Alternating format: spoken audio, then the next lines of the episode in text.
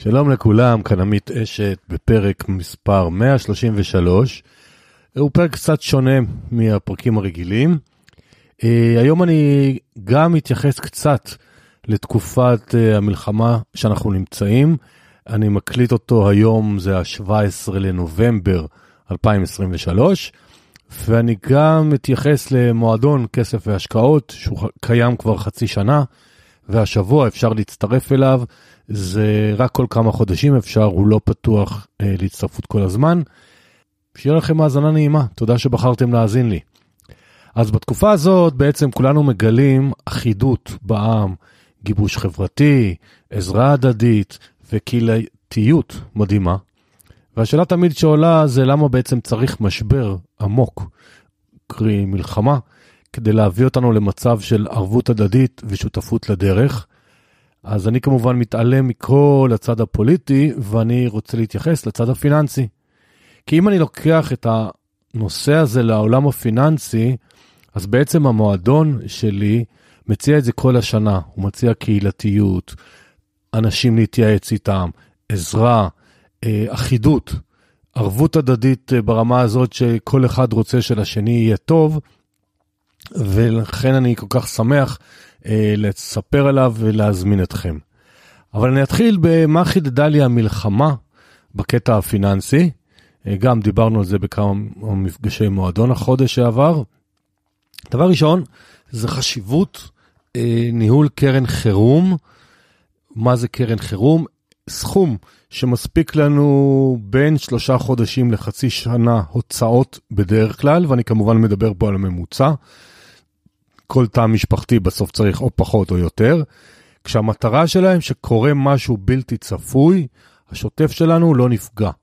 אנחנו ממשיכים את חיינו כרגיל מבחינה כלכלית, ולמשל עכשיו הרבה מאוד עצמאים בן לילה נקטעה להם ההכנסות כי אין לקוחות או גויסו בצו 8 עד שביטוח לאומי תן מקדמות למגויסים, ויש אה, שכירים שהוצאו לחל"ת, יש כאלה שבתקופת חיפוש עבודה בין עבודות, וזה תפס אותם כמובן במפתיע.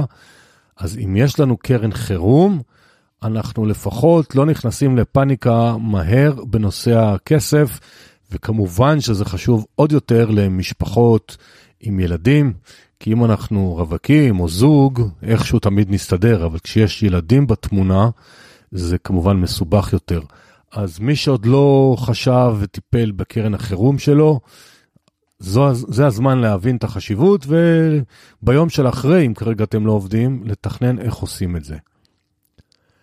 דבר נוסף שחידדה לי המלחמה, זה החשיבות של קיום השקעות בכלל, ופיזור השקעות ללא תלות במדינה אחת, או סקטור אחד, או מטבע אחד, ומה הכוונה פה. השוק הישראלי קרס להנאתו, כל השנה הזאת הוא יורד. המדדים, אני מדבר על מדדים, לא על מניה ספציפית. אה, זה התחיל בשיח הפוליטי על הרפורמה, כן טוב, לא טוב, מהפכה, לא מהפכה. באה המלחמה, השוק הישראלי ירד מאוד, תל אביב 35, 125 וכולי. מדדי הנדל"ן, שלא נדבר. מי שיש לו השקעות שמפוזרות גם במדינות אחרות, אז אולי זה עולה, אולי זה יורד, אבל כבר משיקולים עסקיים, כלכליים אחרים, ולא גיאוגרפיים רק בישראל. זאת אומרת, מי שיש לו השקעות רק בישראל, צריך לחשוב האם זה מה שמתאים. ואני פותח פה סוגריים, אם מישהו קנה למשל את מדד uh, S&P בחו"ל, שזה מדד מאוד נפוץ כיום, בשקלים, אז תכלס, ההשקעה שלו לא בישראל. נכון שהמטבע הוא ישראלי, אבל בעצם אתה מושפע ממה שה-S&P עושה, אז לא לזה אני מדבר. אני מדבר על מי שקונה רק אגרות חוב, רק מניות, רק מדדים בתוך ישראל, או רק בארצות הברית, או רק בגרמניה, או רק ביפן. זאת אומרת, פיזור לדעתי הוא קריטי. ככל שההון גדול יותר, אז יש יותר אפשרויות. כבר בהון נקרא לזה ממיליון ומעלה, אז אפשר כבר גם להתחיל לחשוב על אה, גם שוק הון, גם נדל"ן, או עוד ערוצים אחרים, אבל לפחות אה, איזשהו פיזור ארץ ההשקעה ובסקטור, מה הכוונה סקטור? לא להשקיע את הכל בסקטור הנפט. למה? כי זה מסוכן, אולי זה יעלה, אולי זה ירד, ואז כל הכסף שלכם אתם חוטפים. אה, ובכלל, השקעות בתקופת מלחמה. אני שמח כל לקוח או כל אדם שאני רואה שיש לו השקעות, וגם אם אין הכנסות וגם אם אין קרן חירום, והוא מוכר חלק מההשקעות שלו כדי לחיות, ולא משנה אם זה עולה או ירד, זה נותן אה, גב כלכלי, זה נותן שקט, ולי יש סיפוק גדול כשאני רואה אנשים שמסתדרים, אה, גם כשהתזרים כרגע דפוק. מה שעוד התחדד לי בחמה, בתקופה הזאת, אנחנו כבר לאט לאט שישה שבועות, שזה המון זמן. אה, אני דיברתי בפרק 110 על כל נושא הגדלת ההכנסות וריבוי ערוצי הכנסה. אז שוב, בולט שככל שאני מצליח לייצר ערוצי הכנסה, שחלקם תלויי זמן, חלקם תלויי הון, חלקם זה יצירה אחת שמייצרת לי כסף, כמו ספרים, קורסים דיגיטליים, כל אחד עם היצירתיות שלו, אז זה נותן לנו גם בתקופות כאלה ערוצי הכנסה שפועלים, יש ערוצי הכנסה שהפסיקו לעבוד. מי שלא מכיר את כל הקונספט והראייה הסובייקטיבית שלי בתחום, אז אני מזמין להקשיב לפרק 110, עשיתי פרק שלם שדיברתי על הגדלת הכנסות. כדרך אגב, במועדון על כל נושא שאני מדבר עליו עכשיו, כבר עשינו דיונים ומחשבות ושאלות ותשובות, יש על זה אה, כמובן עוד המון ניואנסים. עוד דבר שמאוד בלט במלחמה, קיבלתי מלא מלא מלא שאלות בהתחלה, הדולר התחזק מאוד לעומת השקל, גם האירו, מלא אנשים רצו לרוץ ולהשקיע בדולר כשהוא ימשיך לעלות והוא יגיע לאיזשהו סכום שאף אחד לא יודע להגיד מהו. מה שהוכח זה שכמו שהדולר התחזק מאוד מול השקל, הוא נחלש מאוד. עכשיו אנחנו לדעתי נמצאים אפילו בשער טיפה יותר נמוך מתחילת המלחמה. אז אנחנו היום בערך ב-3.80, כשבמלחמה הוא הגיע לכמעט 4 ומשהו. אה, סליחה, אנחנו היום ב-3.70, 3.72, יום שישי היום. זה מראה שמטח, מטבע חוץ, זה הימור, זה לא השקעה. זה מוביל גם לדבר הבא שלמדתי שוב במלחמה, שאסור לנו לקבל החלטות בתנאי לחץ של לנסות לתזמן את השוק. זאת אומרת, כל מי שקנה את הדולר ב-4.01 כי אמרו לו, כל הנביאים שזה יגיע ל-4.5 או 5 והוא כבר רצה להרוויח, אז א', יכול להיות שזה עוד יגיע, אני לא יודע. אבל כרגע, נכון להיום, זה 3.72, 3.73, אז הוא מופסד שם איזה 10, 7 אה, אחוז או משהו כזה. אנחנו צריכים לזכור שאף אחד, כולל אותי, לצערי, אבל אף אחד לא יודע מה יקרה. אז כל החלטות שלנו בתנאי אי ודאות צריכים להיות צנועים ולזכור את זה, ולנסות לתזמן את השוק מאוד מסוכן. הרבה מאוד אנשים שאלו אותי במהלך האירועים של השבועות הראשונים, האם כדאי עכשיו למכור הכל, לצאת ולהיכנס אה, כשהכול יירגע? הבעיה בתיאוריה הזאת, שאנחנו לא יודעים מתי השוק יתקן, הרבה פעמים הוא מתקן מהר מאוד, ואז אנחנו עלולים להיות בחוץ בתקופת התיקון. ומצד שני, מי שצריך כסף לטווחים קצרים, אז מלכתחילה הכספים שלו לא היו צריכים להיות באפיקים תנודתיים ומסוכנים. מי שהכספים שלו לטווחים בינוניים ארוכים, לרוב מומלץ לא לקבל החלטות בתנאי אי ודאות ופאניקה. כמובן, אתם מבינים, בפודקאסט אני מדבר לקהל רחב, אז יש מקרים פרטניים שאולי כן, אבל בגדול, בגדול, תעשו לעצמכם תוכנית השקעות, תוכנית עבודה פיננסית, ומשם לא לתת דברים רעים כמו המלחמה פתאום להסיט אתכם מהדרך. ומי שיש לו הוראת קבע שכל חודש הוא איקס אלפי שקלים או מאות שקלים משקיע, והתזרים עדיין מאפשר, אז לא הייתי עוצר את זה. וכל זה מביא אותי לשאלה שאני רוצה שכל אחד ואחת תתבוננו רגע פנימה ותשאלו את עצמכם את השאלה ותענו לעצמכם ביושר ובפתיחות, בשוטף, ביום-יום, לא בתקופות מלחמה, כשהכול בחיים הרגילים, מה שנקרא, כמה זמן אני משקיע בצמיחה הפיננסית שלי. כל אחד שיקח רגע זמן למחשבה לעצמו, לשאלה הזאת, בשוטף, כמה זמן אני משקיע בצמיחה הפיננסית שלי ביום, בשבוע, בחודש, ברבעון, בשנה. רוב האנשים מאוד מאוד עסוקים. בטח אם יש ילדים ומסיעים לחוגים ומחזירים לחוגים ובית ספר וזום ולא זום וכן לומדים ולא לומדים.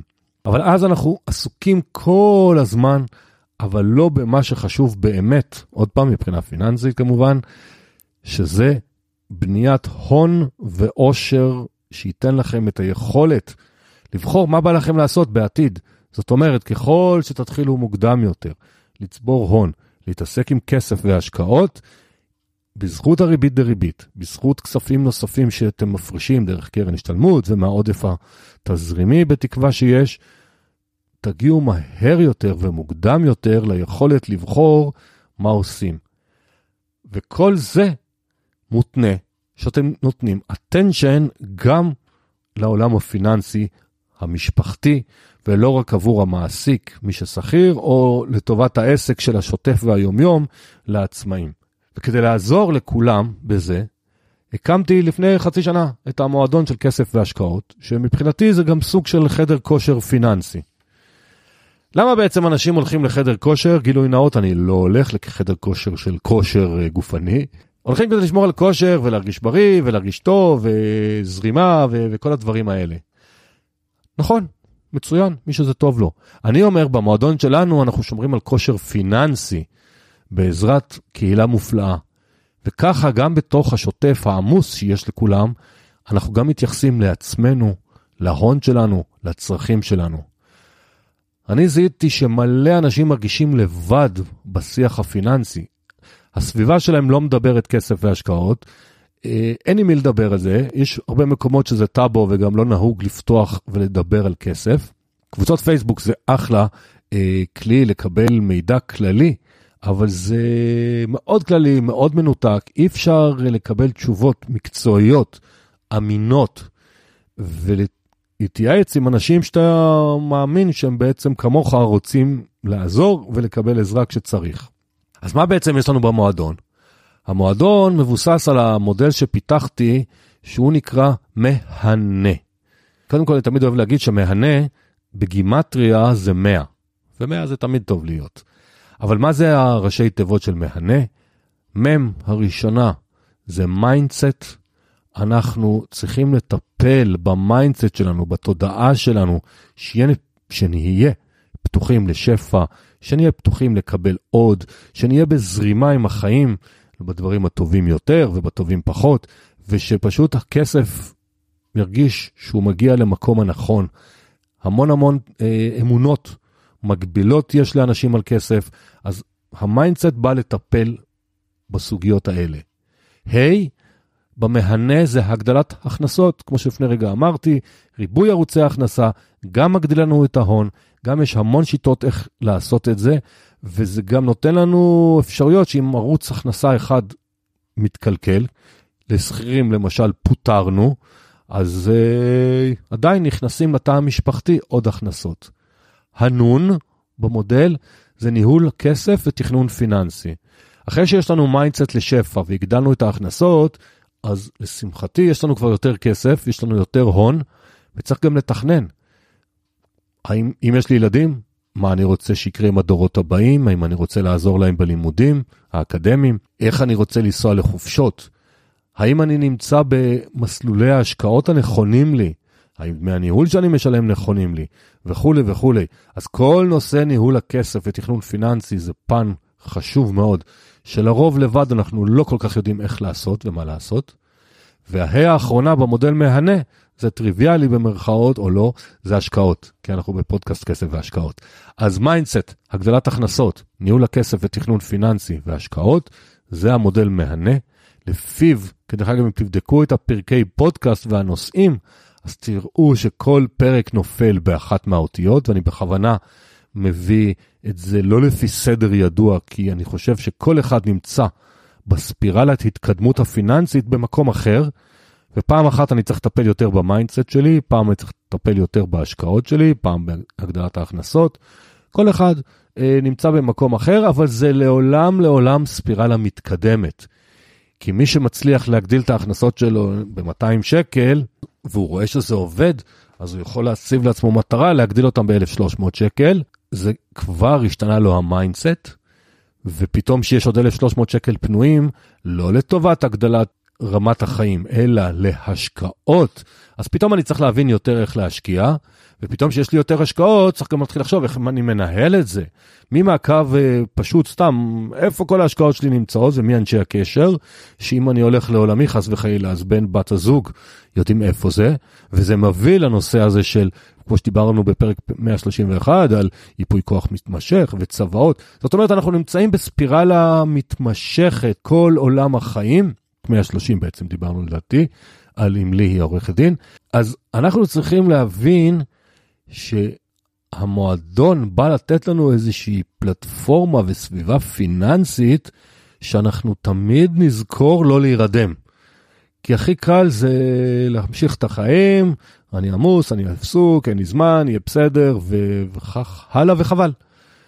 אה, בתיאור הפרק יש לכם לינק אה, ודף הסבר והרשמה מי שרוצה. עכשיו, מה יש במועדון בתכלס, כאילו, מעבר לעקרונות המודל מהנה? יש לנו ככה, יש לנו כל חודש הדרכה מקצועית שלי או של אחד מעורכי הפודקאסט, לפי תחום, למשל היה לנו כבר על אה, רואי חשבון, היה לנו, היה לנו מומחית ביטוח לאומי. עשינו סדנת אה, תכנון פיננסי מעמיקה שבה הסברתי איך בכמה מפגשים איך עושים את זה, וכדרך אגב הכל מוקלט, אז גם מי שמצטרף עכשיו, יש לו את כל המידע הזה, זה לא שמשהו שפספסתם. יש לנו פעם בחודש גם מפגש של שאלות ותשובות, או עדכונים על מה שקורה בשוק, זאת אומרת, שולחים אליי נושאים שמטרידים אתכם, וכשאני רואה נושא שהוא משותף לרבים, אנחנו עושים עליו דיון, מקבלים הסברים. למשל, בחודש אוקטובר, בחודש שפרצה המלחמה, עשינו שלושה מפגשים, שבהם קודם כל הייתה את הקהילתיות, היה לנו עם מי לדבר, לפרוק רגשות ומחשבות ותסכולים אישיים, וגם דיברנו על כסף, על דילמות, מה לעשות, לקנות, למכור, אה, לשנות מסלולים, וכל מיני שאלות שעלו. אה, יש לנו קבוצות וואטסאפ לפי נושאים על פי המודל, כדי להתייעץ ולשתף וליצור קהילה, כי אז תמיד אנחנו לא לבד, תמיד יש לנו את מי לשאול. עם מי להתלבט. מה שנקרא חוכמת ההמונים עוזרת לנו לדייק, לעשות החלטות טובות יותר, ואני כמובן מעורב בכל מה שקורה, כולל תשובות. יש לנו פעמיים בשנה אה, מפגשים פרונטליים. אם המלחמה לא תמשיך אה, מדי, או, לא, או נגיד את זה ככה, לא יהיה רע יותר, אז ב-15 לדצמבר, יום שישי, אנחנו ניפגש לכמה שעות באזור המרכז, גם להכיר, גם הרצאות, גם הדרכות. זה היה כבר מפגש פרונטלי אחד, זה יהיה השני, זה מגניב לגמרי. ומה שאמר ג'ים רון, שהוא כבר הלך לעולמו לפני כמה חודשים, אבל הוא מנטור אמריקאי לאנשי עסקים, אה, מאוד מוביל, תמיד מעניין היה לשמוע אותו, אמר, האדם הוא בעצם הממוצע של חמשת האנשים שסובבים אותו. כלומר, אם אני מסתובב סביב אנשים שמקטרים כל היום וכל הלילה על כמה הבוס דפוק וכמה המדינה דופקת אותנו וכמה השכנים מרגיזים אותנו וכולי, אני בסוף אהיה סביב אנשים כאלה. אומרים שנשים בהיריון תמיד רואות נשים בהיריון בזמן ההיריון, כי הן מחפשות את הסובב אותן. אז המועדון בא להציע לכם להיות בסביבה של האנשים כמוכם, שמאזיני פודקאסט, שרוצים לצמוח, שרוצים לגדול, וכך אנחנו בסביבה צומחת ומעצימה, מעצימה אותנו. שאלה שכמובן כל אחד בטח שואל את עצמו, מי שחושב שזה עשוי לעניין אותו, כמה זה עולה. אז דמי המנוי הם חודשיים בהוראת קבע של 180 שקל לחודש, תמורת כל הטוב שדיברנו, וכדרך אגב גם מקבלים עוד קורס דיגיטלי מתנה ועוד יש כל מיני הטבות. אה, אבל מה שיפה פה עוד יותר, זה שבזכות זה שזה הוראת קבע, אפשר להפסיק מתי שרוצים. הצטרפתם, הייתם כמה חודשים, החלטתם שלא בא לכם. לא קרה כלום, שולחים לנו מייל, ואנחנו תוך 48 שעות מנתקים את החיוב וזהו. זאת אומרת, אין פה בעצם שום סיכון פיננסי, יש פה רק מה להרוויח, ומי שעצמאי בין המאזינים, אז זו תוצאה מוכרת. אז אם נוריד את המע"מ, נוריד ביטוח לאומי, נוריד מס הכנסה, אז יוצא שזה עולה פחות מ-100 שקל. אז מי שלא שווה לו כ-1,100-1,200 שקל בשנה אה, להשקיע בעצמו בחדר כושר פיננסי, 24 הדרכות ועוד כל טוב, אז כנראה שזה באמת לא מתאים לו וזה סבבה לגמרי. אותי נגיד אחד הדברים שמרגשים במועדון כל פעם מחדש זה אנחנו אחת לכל ראשון לחודש אנחנו בעצם משתפים אחד את השני מה עשינו החודש כדי לוודא שאנחנו מתקדמים. ומי שמבוהל מהרעיון אז קודם כל לא חייבים לשתף רק מי שרוצה. אני סתם אקרא לכם כמה שיתופים שהיו בחודש אה, האחרון. אז למשל, אה, בוקר טוב, אה, בעקבות הראיון בפגישת הזום הקודמת עברנו ועדכנו את תשלומי מקדמות ביטוח לאומי של הקליניקה של אשתי. פתחנו וואטסאפ רק לאשתי ולי, שבו אנחנו מעדכנים יומית את כל ההוצאות הלא קבועות. חיפשנו ומצאנו בית קטן להשקעה. ישבתי עם הבת הצעירה וביחד עברנו על כל ההכנסות וההוצאות שלה ויצרנו תקציב חודשי. הוספתי עוד פודקאסט חדש לרשימת ה favorites. אה, מישהו אחר שיתף שאנחנו, שלום, אנחנו בתהליך ייעוץ פנסיוני ור... ורוויזיה של הביטוחים. ריכזנו במדף אחד ספרים בנושאים פיננסיים וקריירה בספרייה ביתית, וקראנו לאחרונה כמה ספרים בנושא. השקענו בכמה אפיקים וציינו ביומן את התאריך פגישה אה, עם הקבוצה. מישהו אחר, שלום לכולם, מעולם לא שיתפתי, אנסה בראשית הדברים אספר שאני ממש על סף הגשמת חלום אישי, פתיחת סטודיו, חלק מההגשמה הזאת קשור ל mindset שלמדתי מאנשים כאן ובראשם עמית, ובהמשך הדברים, עיסוק בהכנת דוח 2022, החלפת רכב לאשתי, רכישת נכס נוסף מסוג שונה לפורטפוליו מעבר לים, עדכון ביטוחים, הפחתת דמי ניהול, תודה על ההשראה, ועוד ועוד. אני כל פעם מתרגש מחדש, כל חודש אני מחכה לשיתופים. אה, אני גם מקבל מלא רעיונות מאנשים. הרבה פעמים ידע באמת לא חסר לנו. תיאוריות יש לנו לרוב, אבל מה שעוצר אותנו מלהתקדם בחשבון הבנק, מה שנקרא, זה הביצוע. ולמה אנחנו לא עושים? אנחנו עסוקים מדי ביומיום. אנחנו חוששים לטעות. לא יודעים אם בחרנו נכון, ואולי יש ערוץ יותר טוב, ואולי זה יותר טוב, ואולי זה יותר טוב, אז מרוב אה, עצים אנחנו מחליטים לא להחליט, כי אז אנחנו מרגישים בטוחים.